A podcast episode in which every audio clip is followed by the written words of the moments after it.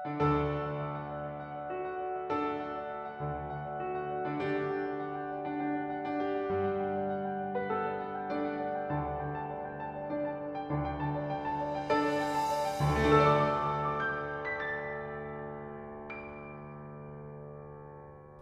beste luisteraars en welkom bij een nieuwe aflevering van de Jong NVA podcast Goedendag. Vandaag zijn bij mij Gilles Verstraten, Brussels parlementslid en Suleiman Selik, ja, ondertussen al ex-prezes van uh, Jong NVA VUB en inwoner van Molenbeek, een van de zaken waar dat we het vandaag toch zullen over hebben. Maar eerst om te beginnen, uh, voordat we naar de befaamde uitspraak van Conor Rousseau gaan kijken, dinsdagochtend is er een uh, controleur van Mobiliteit Brussel aangevallen in Brussel-Zuid. Alweer een van de zoveel daden van zinloos geweld die dat er in Brussel plaatsvinden. Wat denken jullie daarvan? Uh, wat hij denk ik vaststelt op een heel aantal plaatsen uh, in Brussel, niet in het minst in de, in de armste wijken, in migratiewijken, is dat er uh, bij een deel van de bevolking, en niet in het minst bij een, grote groep jongeren, dat er eigenlijk een vrij grote afkeer is van, laten we zeggen, de, de georganiseerde samenleving. Van de publieke autoriteiten. Uh, dat beperkt zich niet tot controleurs, dat beperkt zich niet tot politie, wat dat je ergens nog een zekere logica van zou kunnen inzien. Hè, dat, dat, uh, dat jongeren in bepaalde wijken zich geviseerd voelen door die beroepscategorieën of wat dan ook. Uh, maar dat gaat zelfs over geweldincidenten tegen ambulanciers, tegen brandweerlui. En dat zijn het soort dingen waar dat je toch al echt aan je kop begint te krabben en denkt van ja, hoe, wat bezielt u in feite om die mensen die komen om te helpen, om die aan te vallen? Maar ik denk dat dat te maken heeft met een, een zekere mentaliteit, een zekere identitaire verwarring ook. Uh, dat men zich eigenlijk tegen iedere vorm, iedere expressievorm van de georganiseerde officiële uh, samenleving afzet. Ik denk dat dat ook het soort fenomeen is dat je, dat je ziet uh, in, in, Molenbeek, maar ook in Anderlecht en mijn gemeente. Ja, iedere oudejaarsavond dat men dan buskotjes begint kort en klein te slaan in de lokale apotheek en dergelijke. Dat toch echt, als, als je dat logisch, rationeel bekijkt, dan denk je van, wat, wat bezielt die in hemelsnaam? Die zijn nu toch een eigen wijk in puin aan het leggen. Um, maar ja, blijkbaar is dat zo'n, dat is toch mijn analyse ervan, zo'n viscerale afkeer tegen de samenleving, de publieke ruimte, al dat soort zaken. Uh, dat men tot, tot vrij gratuite gewelddaden soms uh, overgaat. Hè. Mhm. Is dat het volgens u ook, Suleiman? Is dat de, uh, de anti-samenleving-organisatie omtrent die jongeren? Uh, ja, sommige politici zouden het nog durven noemen als feit divers, maar uh, ik denk dat wij dat beter niet doen en uh, dat wij nog steeds afkeuren wat er allemaal gebeurt. Um, ik ben er helemaal mee eens met Gilles. En ik weet nog ook dat ik mijn partijkaart in 2018 had gekocht. En toen was er ook een gelijkaardig incident gebeurd in Molenbeek. Op nieuwjaarsavond, je eigen wijk, je apotheek van je buurt. En uh, dat zijn echt zo lieve mensen die heel de buurt heel de tijd proberen helpen. En dat hebben we ook gezien in coronacrisis, dat je daarop geweld uitoefent. Ja, ik zie dat echt als een weerspiegeling van een haat dat van binnen aan het uh, heel de tijd groeien is. Um, en uh, ja, de vraag is natuurlijk, hoe kun je het ooit oplossen. Uh, want je ziet het maar erger en erger worden in bepaalde buurten. En uh, in andere buurten zie je wel dat het wat verbetering aan de gaan is, maar dan ook puur omdat daar opeens wel Vlamingen uit Oost-West-Vlaanderen die daar komen optrekken. Um, en dat ze daar wel een chique café openen, zo'n uh, mooie bar waar uh, de lokale bevolking eigenlijk zelfs geen koffie kan kopen omdat het duur is. Is dat dan de oplossing, uh, vraag ik me af. Ik ben schuldig als uh, West-Vlaamse inwijkeling. Uh, nee, maar, nee. ik, ik, ik, zet mij wel in voor mijn uh, aangenomen stad. Dus, Laat ons eens kijken naar die befaamde uitspraak die dat Conor Rousseau gedaan heeft. Hè. Er is een heel, heel boeltje ontstaan op Twitter eigenlijk, wanneer dat hij die uitspraak heeft gedaan. En hier zien we ze. Als ik door Molenbeek rijd, voel ik me ook niet in België, heeft hij gezegd.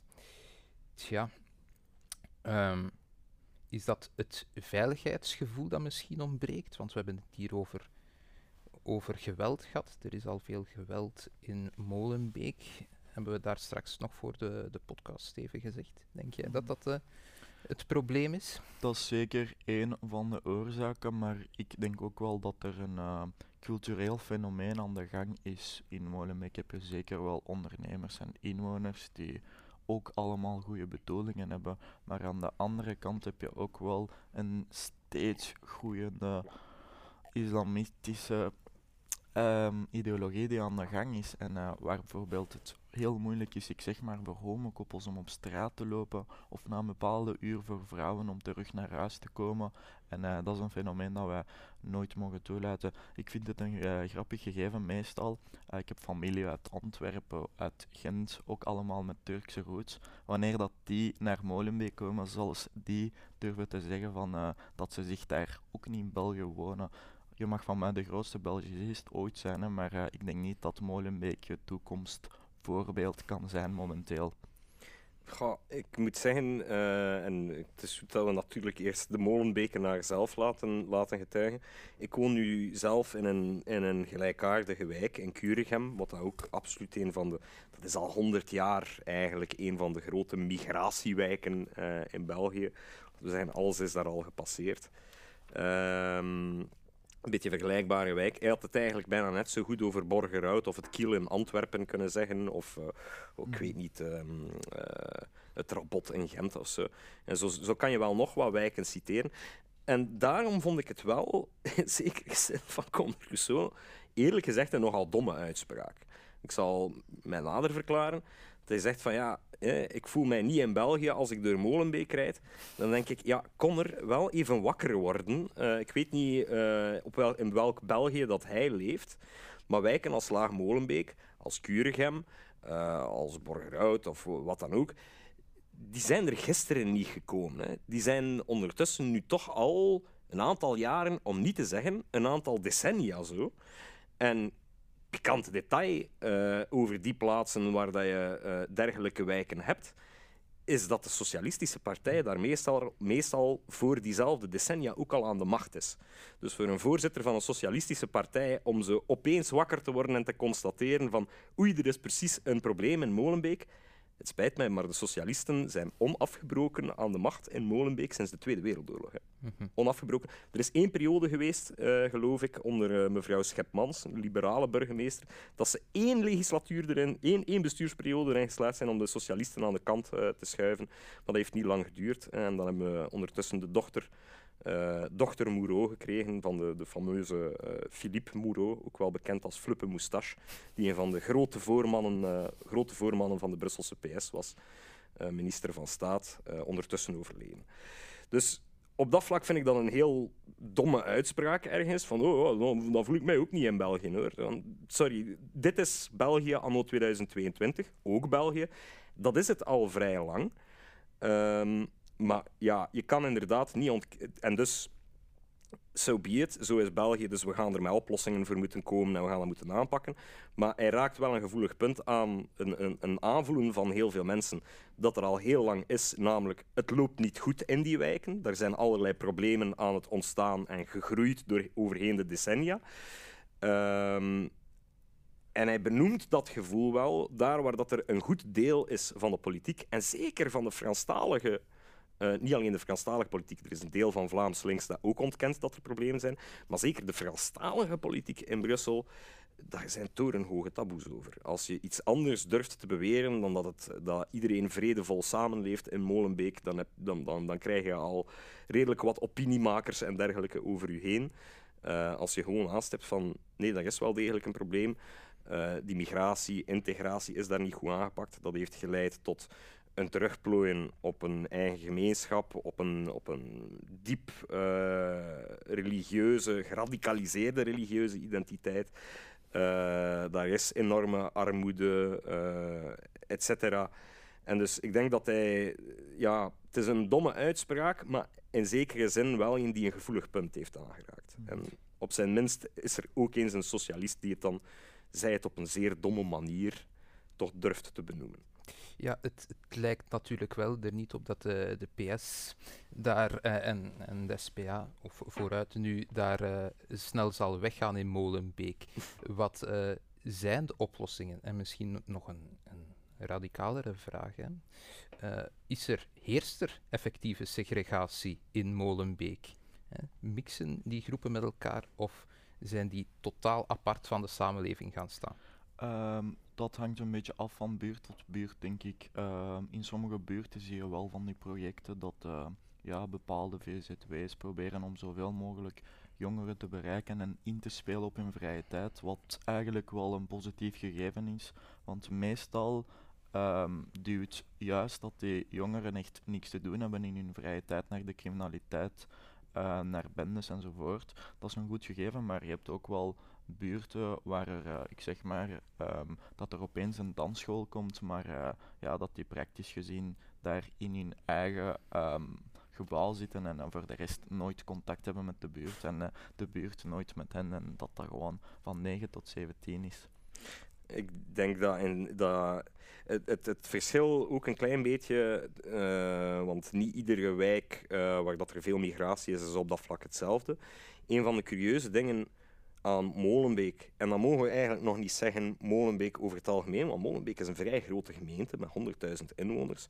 Meestal als er over Molenbeek gesproken wordt, heeft men het eigenlijk over Laag Molenbeek, historisch Molenbeek, zoals dat je wilt noemen. Eigenlijk een, een, een deel dat uh, tegen het kanaal ligt en gericht is op Brusselstad. Dat is zo'n beetje hè, de Gentse Steenweg, uh, Graaf van Vlaanderen, Zwarte Vijvers, zo'n beetje de, die mhm. kanten, hè, ook waar dat jij woont.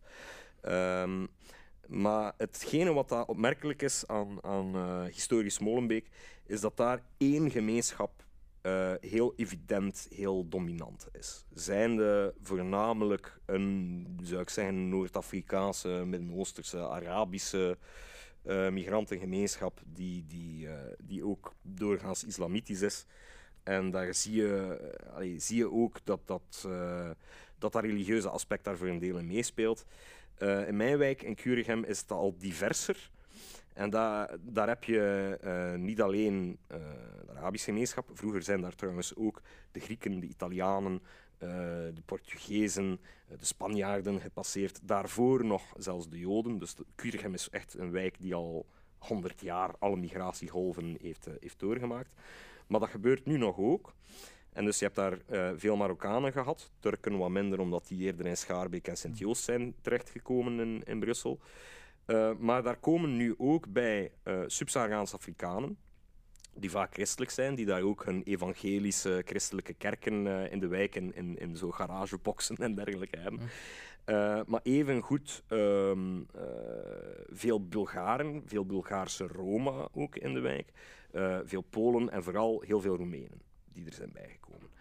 En het interessante daaraan is, uh, van een uh, multiculturalisme en een soort van uitwisseling is daar niet echt sprake.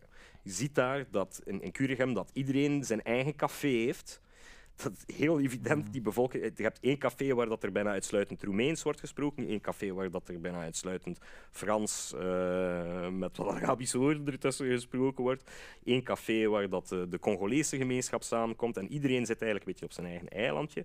En het meest tragische voorbeeld dat ik daarvan ken, is um, de brand in de Heijvaartstraat geweest. Ja, dat is een groot probleem van huisjesmelkerij in, in Curegem. Daar is een pand dat is afgebrand, uh, dat helemaal niet in orde was met elektriciteit, etc. Een evident geval van huisjesmelkerij, dat onvoldoende aangepakt wordt in Anderlecht, maar bon. Um, en daar zijn uh, drie mensen gestorven in die woningbrand. Het is eigenlijk een mirakel dat er niet meer waren en dat, uh, dat daar nog redelijk veel mensen zijn kunnen ontsnappen, want heel dat gebouw is afgebrand. Um, dat was één jonge gast van Sub-Saharaans-Afrikaanse origine um, die erin gebleven is en één uh, vader en zijn tienerdochter uh, die van Marokkaanse origine waren, geloof ik, of Marokkaanse roots hadden. Uh, ik was daar snel bij, de dag daarna, nadat die brand had plaatsgevonden. En ik heb daar dan met wat mensen in de wijk gesproken. En dan was er iemand die een winkel had tegenover dat gebouw. een man zelf ook van met, met, Arabische of, of Noord-Afrikaanse roots. En ik vroeg aan die meneer, die stond te wachten, de verzekeringsfirma's waren daar bezig en zo. Ik vroeg aan hem, ja, kende u de mensen in het gebouw goed?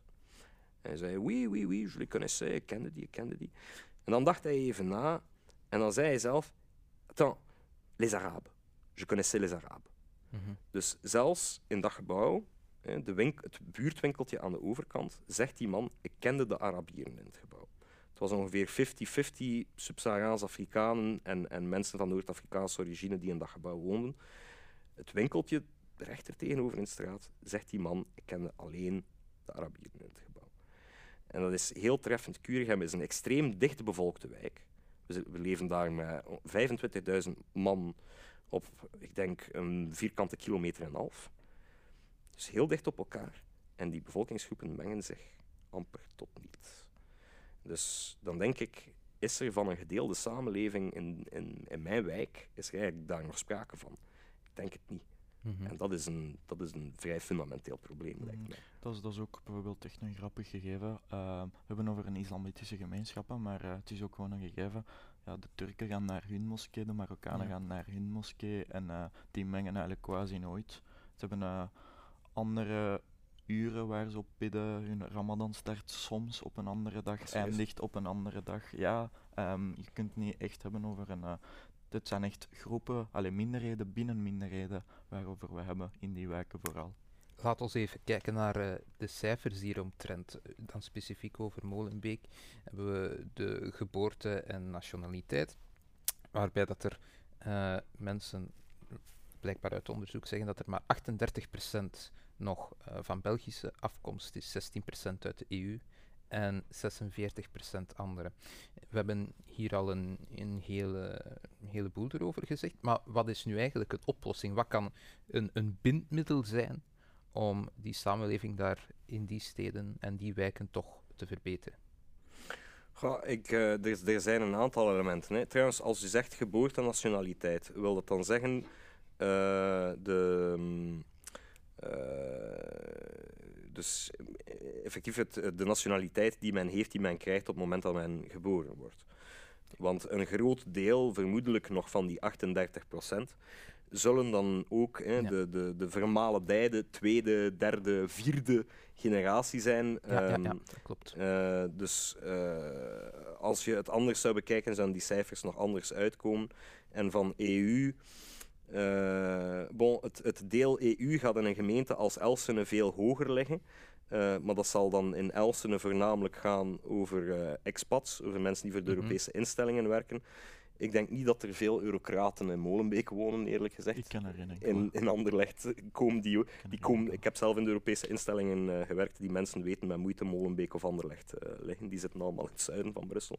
Dus die 16% gaat in belangrijke mate, zal dat terug ook om Polen, Roemenen, uh, mensen, andere mensen uit Oost-Europa gaan. Niet alleen, maar een groot deel daarvan, omdat Molenbeek en Anderlecht, onze twee gemeenten, de goedkoopste zijn qua Mhm. wonen. Ik zie ook wel zo'n fenomeen dat uh, ja, Nederlanders met een Marokkaans of een uh, andere roots, dat die ook wel af en toe afkomen Ja. en dat die ook wel opduiken. Ja. En je, je hoort dan in accent dan, dat die ja, daar de taal hebben geleerd. Mhm. Dat is ook wel een gegeven. recent ook nog een, een Uber-chauffeur gehad die, waar dat ik in het Frans mee begon en toen uiteindelijk bleek die Nederlands te spreken, was een Amsterdammer van uh, uh, met Marokkaanse roots ook.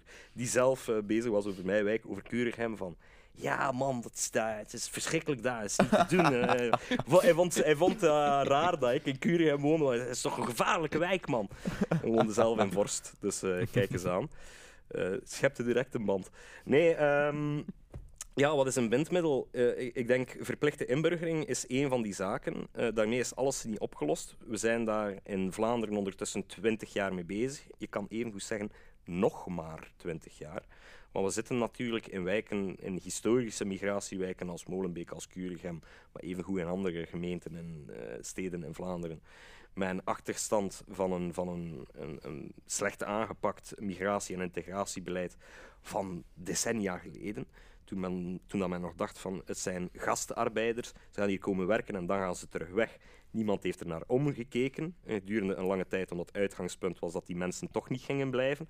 En het moment dat evident werd dat ze wel gingen blijven en dat gezinshereniging in het lang en breed op, uh, op gang kwam, is ongeveer hetzelfde moment dat de linkse partijen de switch hebben gemaakt uh, van vaak vrij migratiekritisch in het verleden en zeiden van ja, we moeten niet te veel van die mensen laten komen, want die zetten druk op arbeidsmarkt, druk op de lonen, etc. Dus klassiek links was eigenlijk vroeger tegen te veel migratie, omdat dat de, de autochtone arbeidersklasse zou, zou benadelen. Dan op een bepaald moment dat eigenlijk bleek dat, dat die mensen gingen blijven, niet alleen dat, maar dat er via gezinshereniging steeds meer mensen begonnen bij te komen, heeft links bijna één op één de switch gemaakt. En zeker in Brussel, de PS was in de jaren tachtig nog quasi-racistische partij, heeft dan onmiddellijk de switch gemaakt en gezegd van, ah ja, nee, dat is het nieuwe proletariaat. Uh, en dan, maar het beleid is hetzelfde gebleven, namelijk, we kijken er niet naar om, die mensen. Vroeger met het idee dat ze gingen weggaan, nu met het idee dat het allemaal als vanzelf wel zou moeten komen. Hè.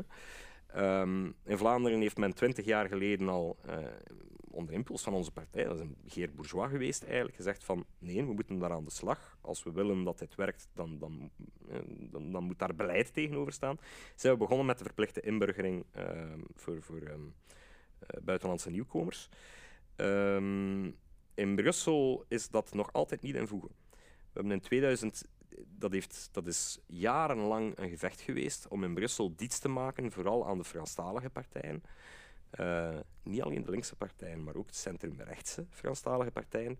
Dan verplichte inburgering dat dat niet racistisch is, maar dat dat net emancipatorisch is. Dat geeft aan mensen die ertoe komen de middelen om het systeem te begrijpen, hoe dat ze werk moeten vinden, hoe dat ons onderwijssysteem ineensteekt. Enfin, op één jaar tijd leren ze eigenlijk een heel aantal dingen die anders vijf jaar zouden kosten om, om ten volle te begrijpen en misschien dan nog niet.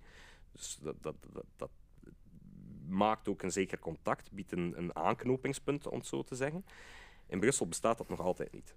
Uh, dat is twintig jaar ideologische discussies geweest waar dat uh, Franstaligen zeiden dat is racistisch, dat is paternalistisch, je kunt dat niet doen, je mag dat niet doen, uh, etc. Ondertussen kan men het zonlicht eigenlijk niet meer ontkennen. En in 2017 is men dan eindelijk overstag gegaan en heeft men een ordonnantie verplichte inburgering goedgekeurd. De enige partijen, omzeggens in het Brussels parlement, die daar tegen gestemd hebben, waren Ecolo en Groen. Verrassend genoeg. Um, en nu moet dat deze legislatuur geïmplementeerd worden door Alain Maron, minister van Ecolo, die in 2017 de grote woordvoerder was van oppositie tegen die verplichte inburgering. En dus is, dat onder, is die, die inwerkingtreding ondertussen al vijf keer uh, uitgesteld. Uh, normaal gezien gaat ze volgende maand in. Uh, ik heb wat vragen lopende. ik vermoed dat het weer uitgesteld gaat worden. Ik zeg graag, een wet is maar zo sterk als de persoon die dat hem uitvoert. En als dat alleen maar on is, dan denk ik dat we toch wel Ja, we zijn nog niet aan dat de er nog wat werk aan de winkel is. We zijn nog niet aan de nieuwe patatjes mm. toe met die man. Oh. Dat is zeker. Ja, uh, inburgering zeker, maar ook een andere gegeven blijft ook natuurlijk de taal als pintmiddel. En uh, mm. dat is natuurlijk ook nog steeds een groot probleem. En uh, dat start ook echt wel van school tot en met ziekenhuizen. Ik ken heel veel mensen uit Molenbeek, uit Anderlecht, ja, dat die gewoon niet zelfstandig naar de oudercontact kunnen gaan van hun zoon of dochter die op school zit. Um, dan kan je daarbij vragen stellen of dan een integratie wel mogelijk is, zoals bij die tweede generatie, want ja, die contact tussen leerkrachten, tussen ouders, verloopt heel traag. En danzelfde, ja, het is gewoon heel erg voor een individu om uh, niet zelfstandig naar het ziekenhuis te kunnen gaan en uh, daarbij altijd iemand sleuren en vragen van uh, kunt jij alsjeblieft komen en even vertaler spelen voor mij. Dus uh, taal moet zeker in orde gebracht worden. En uh, of het nu Frans is of Nederlands, liefst Nederlands natuurlijk. Maar uh, je moet wel brede bevolking op een of andere manier aanmoedigen om de taal te leren. Ik zie ook wel meestal dat wanneer zelfs een kind op school Nederlands leert, dat hij op een of andere manier zich wel uit die ja, uit die afgrond wel trekt in de zin van uh, die kan dan makkelijker een studentenjob vinden. Die kan misschien nog uh, ervoor zorgen dat zijn of haar ouders nog uh, aan een job raken met het netwerk dat die opbouwt. Ehm, dus ja, taal is heel belangrijk. En vooral in Molenbeek en Anderlecht en andere slechte buurten. Hm, ik denk trouwens ook wat dat taalgegeven betreft een aantal dingen. In de verplichte inburgering leer je natuurlijk sowieso de taal. En het mooie aan die verplichting is dat ook hm. vrouwen in bepaalde gemeenschappen, dat is een heel belangrijke, dat die ook een beetje uit een, een heel patriarchaal conservatief systeem worden getrokken, waar men zegt, uh, binnen blijven, vrouwen aan de haard, niet buiten komen. Curigem zie dat ook. Je ziet de vrouwen voornamelijk als het school begint en als school gedaan is, maar op een zonnige zaterdag namiddag op de terrasjes geen vrouwen te bespeuren. Um, dus daar wordt er ook al een soort van aanknopingspunt gemaakt waar aan die vrouwen bijvoorbeeld wordt uitgelegd wat dat hun rechten en dingen zijn. En dat ze de taal leren en dat die dus ook een beetje uh, de mogelijkheid hebben om uh, zichzelf wat te emanciperen als men in een dergelijke situatie zit. Dan Nederlands in Brussel is heel belangrijk, of moet eigenlijk zeggen de tweetaligheid. Maar als je naar een Vlaamse school in Brussel gaat, dan kan je op het einde van de rit twee talen. Drie zelfs. Frans, Nederlands en Engels. Uh, en er zijn quasi geen tweetalige werklozen in Brussel. Als je Frans en Nederlands kan, heb je direct job. Dus dat is een, een eh, immense emancipatie, machine, motor, echt. Dat, dat Vlaams onderwijs in Brussel doen we fantastisch. Plus, we zijn een relatief kleine, relatief kleine gemeenschap in Brussel en wij doen heel veel aan netwerking ook. Als in een Vlaamse school zit, dan ook eh, Nederlandstalige cultuurleven, jeugdwerk, eh, sportvereniging, etc. Maken we echt die verbinding om, om die jongeren ook mee te trekken in dat ruimer bad van de samenleving en verbinden we een beetje alles aan alles. Daar waar dat de Franstaligen nog veel meer werken met voor alles een individueel VZW'tje en geen gecoördineerd beleid en links en rechts wat subsidies uitdelen op een manier om iedereen wat tevreden te houden, maar er zit niet echt een, een, een aanklampende beleidsvisie achter. Um, en wat hij daar zegt van die taal, dat klopt absoluut. Nu, dat zou logisch zijn dat dat een probleem is voor de eerste generatie. Voor de tweede en de derde kan je u daar wel al vragen over beginnen stellen. Maar dan moet je eigenlijk beginnen kijken naar heel het migratieverhaal. Meer dan 50% van de migratie naar België van buiten Europa is gezinshereniging. Denk dat we stilaan echt eens moeten beginnen nadenken over dat een pak strikter te maken. Want het heeft natuurlijk weinig zin. Je, ziet dat, je ziet trouwens ook dat meisjes het doorgaans een pak beter doen op school en uiteindelijk qua hogere studies en jobs dan de jongens. Um, for whatever reason. Maar als een, een jongen uit de tweede generatie uh, of de derde generatie um, voor een, laten we zeggen, een, een, een heel conservatief uh, religieus waardenpatroon kiest uh, en dat systeem wilt verder zetten van vrouwen, vrouwen aan de haard en die niet buiten komen. En um, in de plaats van met een, een meisje te trouwen die hier is opgegroeid, um, iemand gaat halen uit het land van herkomst, dan ook nog eens uh, uit ergens een, een, een, bergdorp of weet ik veel wat, met een zeer laag opleidingsniveau. En dan komt daar een derde generatie kinderen die thuis opnieuw in de thuistaal, moedertaal worden opgevoed. Uh, in de plaats van. Hè. En dan is daar opnieuw een vrouw bijgekomen die ook geen van de landstalen spreekt. En zo kan je eigenlijk permanent iedere keer van nul blijven beginnen. Hè? Want dan komen er weer kinderen bij in het onderwijs in Brussel die in het eerste leerjaar toekomen, ook al zijn ze tweede of derde generatie, maar die geen woord Frans, geen woord Nederlands spreken, en die dus de nog aan de taal moeten beginnen, maar tegelijkertijd ook wel moeten leren lezen, schrijven, rekenen, etc.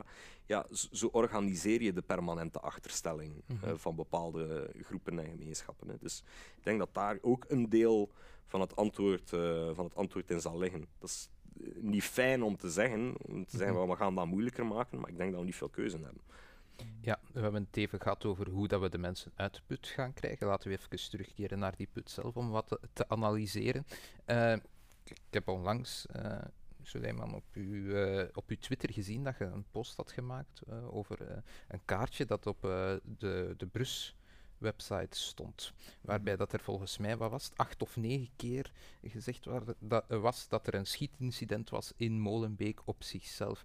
Uh, ik ga niet zeggen, want dat klopt ook niet, dat dat te maken heeft met die geboortenationaliteit, maar misschien wel met die uh, anti-overheids- of anti-samenlevingscultuur. Hmm.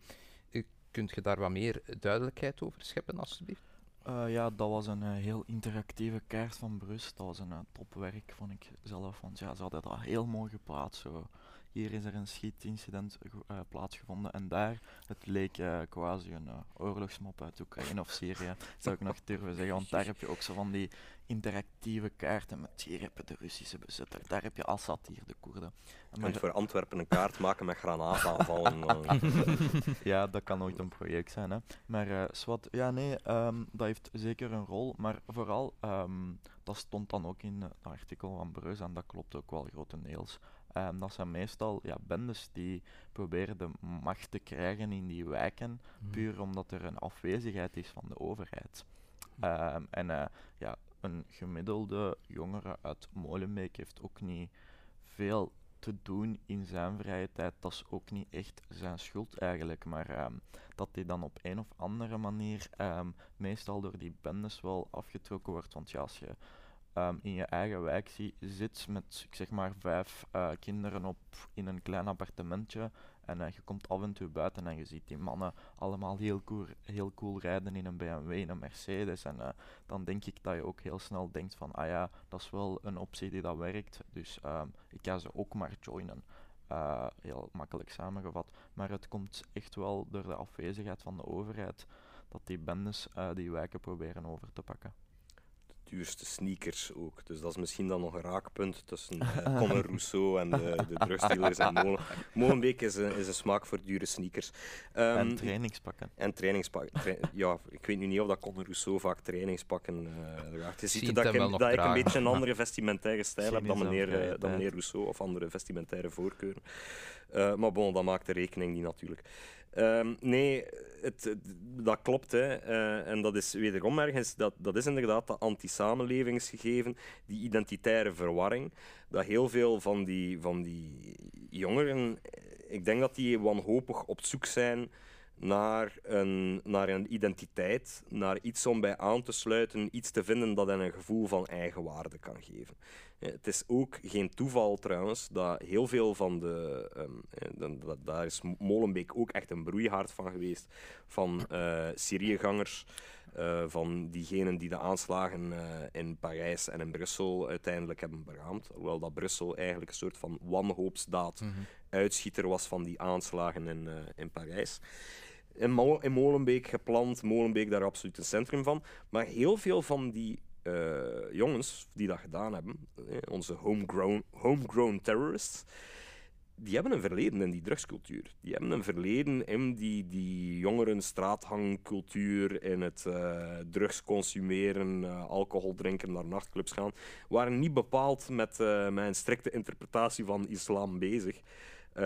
nogal in tegendeel. Um, maar uh, je ziet dus dat die, dat die op zoek zijn naar een, naar een verhaal, naar iets om bij aan te sluiten. Uh, en er zijn eigenlijk er zijn twee factoren die daar absoluut niet aan bijdragen om die jonge gasten het idee te geven van oké, een, een, radicaal syncretisch, uh, syncretisch islamisme is het antwoord niet, maar de, de, de drugsstraatcultuur uh, ook niet. Namelijk extreem rechts dat een eigenlijk zegt van je hebt de verkeerde huidskleur en je grootouders komen uit het verkeerde land, dus je kan er sowieso niet bij horen. Jij zijt geen Vlaming, jij zijt geen Belg je kunt het nooit worden. Bon, daarbij dus al de identitaire verwarring die die gasten hebben bevestigd. Of uh, extreem links, woke links, hoe dat je het ook wilt noemen, die die mannen ook eigenlijk een permanent minderwaardigheidscomplex uh, aanpraat door te zeggen de Vlaamse, de Belgische samenleving is zo racistisch, is zo discriminatoire, uh, structureel, fundamenteel, dat zij u nooit gaan aanvaarden. Eigenlijk zijt jij sowieso geblokkeerd, tegengehouden. Het heeft geen zin om u in te zetten op school. Het heeft geen zin om te proberen carrière te maken. Het heeft geen zin om te proberen vooruit te geraken. Want je zit in een situatie waar dat een witte, onderdrukkende uh, massa u eigenlijk toch nooit kansen gaat geven. En dus in, uh, in wijken als historisch Molenbeek of in mijn wijk in Curegem, waar dat er ook om de zoveel tijd wel eens rellen ontstaan, uh, wat dan ook, is dat zo ongeveer de mentaliteit.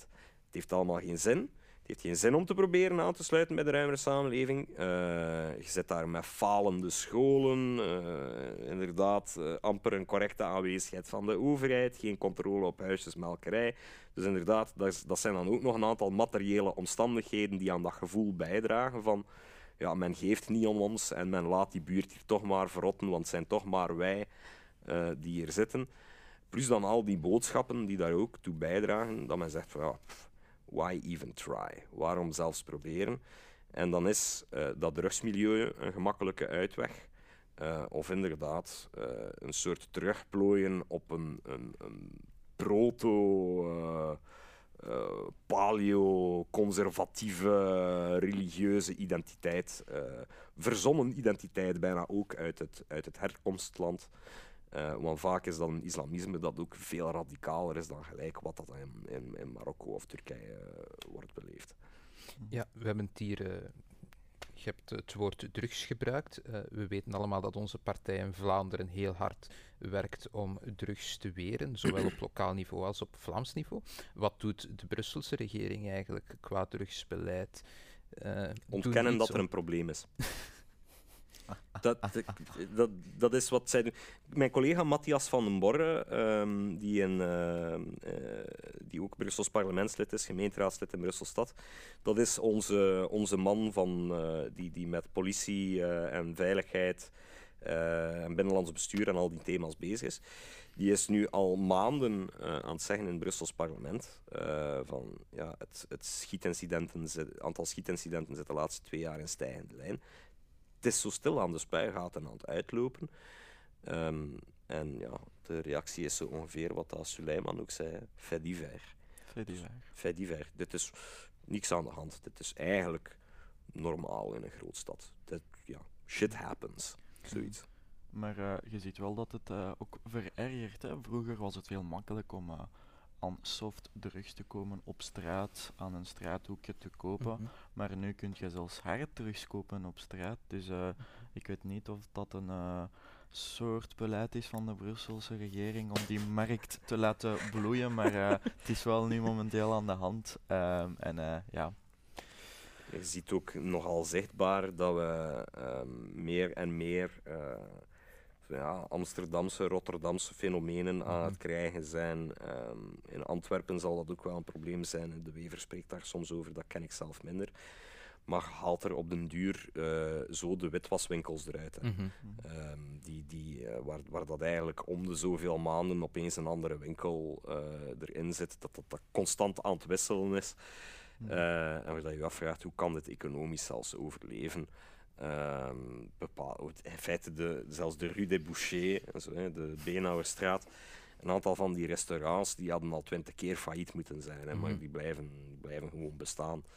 Uh, zeker in de tijden van TripAdvisor, uh, dat er bijna nooit iemand zit. Ja, uh, dat, is heel, dat is eigenlijk de lokale economie ook helemaal aan het verrotten, hè, met al dat drugsgeld dat daarin circuleert. Maar ja, dat, daar komt niet echt. Als, als wij dat er is een, een, een, een gewestelijk uh, veiligheidsplan, wederom, dat is Matthias van den Borre die daar vooral mee bezig is. Men heeft daar het bestrijden van de drugshandel als prioriteit uitgehaald.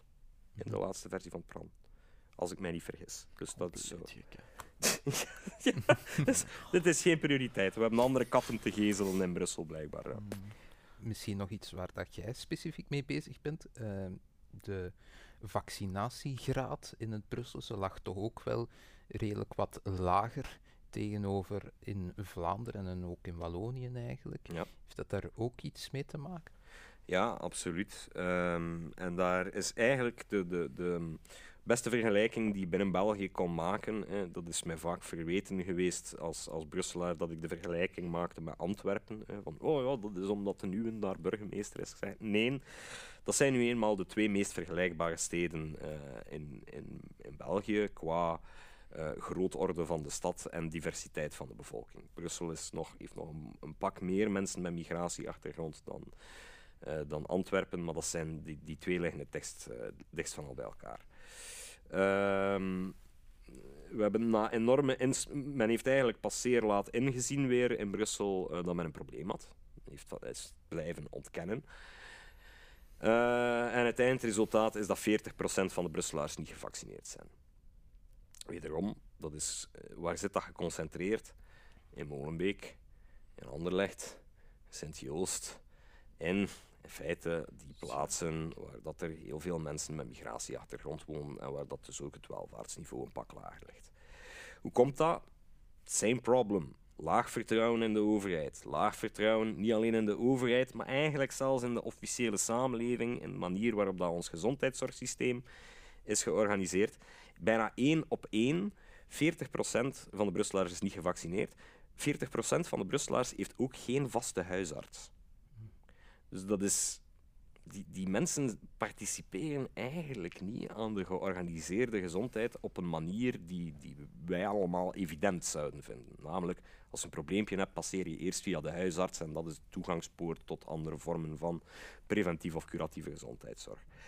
Um, in Antwerpen heeft men heel vroeg, zelfs nog voordat er al vaccins officieel beschikbaar waren, ingezien van we hebben een heel diverse samenleving, we hebben een heel divers publiek, plus al twintig jaar die, die verplichte inburgering natuurlijk. En heeft men gezegd, oké, we gaan ons concentreren op die wijken waar dat we vermoeden dat het moeilijk is. Een borgeruit, een wat dan ook. Uh, en gaan we vrijwilligers aanwerven, vrijwilligers uit bepaalde gemeenschappen, uh, gaan we die opleiding geven en gaan we echt fijnmazig, proactief de mensen gaan aanspreken, overtuigen, daar waar dat er onvoldoende vertrouwensbanden zijn, die smeden, nog voordat er vaccins waren, hè, om die over de streep te trekken, om die mee te trekken in het verhaal. Dat heeft gerendeerd en dus in Antwerpen uh, zit men eerder aan, aan cijfers van 80 procent. Uh, het is nu even geleden dat ik ze nog bekeken heb. Um, tot op het punt dat dus zelfs de PvdA in Brussels parlement de Antwerpse aanpak zit te verdedigen. Het is bestilstaan. Dus de PvdA zit eigenlijk in Brussel bijna Bart de Wever te prijzen. Waarom? Omdat het Antwerpse stadsbestuur ook bijvoorbeeld met districtsbestuur in Borgerhout echt gewoon gezegd heeft van eh, oké, alles aan de kant, we hebben een moeilijk publiek en we gaan het nodige doen. In Brussel heeft men gewoon gezegd van nee, nee, is geen probleem, zal allemaal wel vanzelf gaan. Uh, is men veel te laat met die overtuigingsacties begonnen en het eindresultaat is, is dit. Dus uh, is de vaststelling dat het vertrouwen uh, in de overheid, de gezondheidszorg en alles extreem laag is onder de Brusselse bevolking. -hmm. Ja, natuurlijk. Uh, je kunt het ook met Antwerpen vergelijken. Um, een minder divers, uh, diverse stad misschien. Je kunt het met Gent vergelijken, maar waar je nog steeds buurten hebt, maar waar de vaccinatiegraad enorm hoog was in vergelijking met de Brusselse. Dat is eigenlijk ook puur omdat ja, je in Brussel wel een soort publiek hebt die niet normale nieuwskanalen volgt, zoals ons. Uh, ja, er zijn echt speciale manieren voor hen om uh, nieuws te volgen via verspreide berichten op WhatsApp, op Snapchat. Um, ik kreeg er ook um, helemaal in het begin van de vaccinatiecampagne zo van die um, voice records van vijf minuten dat iemand zo aan het praten is van hé hey, les gars, il faut pas prendre le vaccin, vous allez pas avoir des enfants enzovoort. echt van al die zaken. Ja, ja, echt al van die stommiteiten dat je dat je allemaal had. En uh, ja, als je die publiek dan niet bereikt op een gewenste manier, oftewel zitten ze daar, oftewel vragen ze advies even aan hun buren of aan hun lokale imam. En, uh, en de overheid was afwezig omdat de overheid niet wou erkennen uh, dat maar, er in feite een probleem was. op dat vlak um, denk ik dat Brussel nog een kleine, een kleine goede stap had gezet toen, dat eigenlijk ook helemaal in het begin moest gezet worden. En dat waren dan de, de lokale apothekers die opeens wel campagne aan het voeren waren pro-vaccinatie. En uh,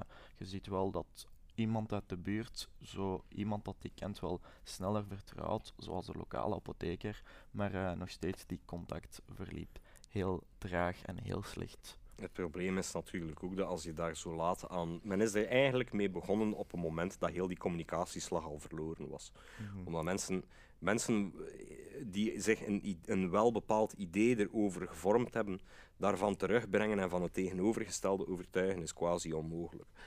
Uh, in de beginperiode, wederom in Antwerpen, heeft men dat gedaan voordat er nog maar vaccins waren. Het is dan dat je ze moet overtuigen. En mensen goed moet inlichten, dat men ook mensen uit de gemeenschap heeft gerecruiteerd, opgeleid, vrijwilligersvergoeding heeft gegeven en daar echt aan gewerkt heeft, ook alles aan gedaan heeft om vertrouwensbanden te smeden waar er nog geen waren.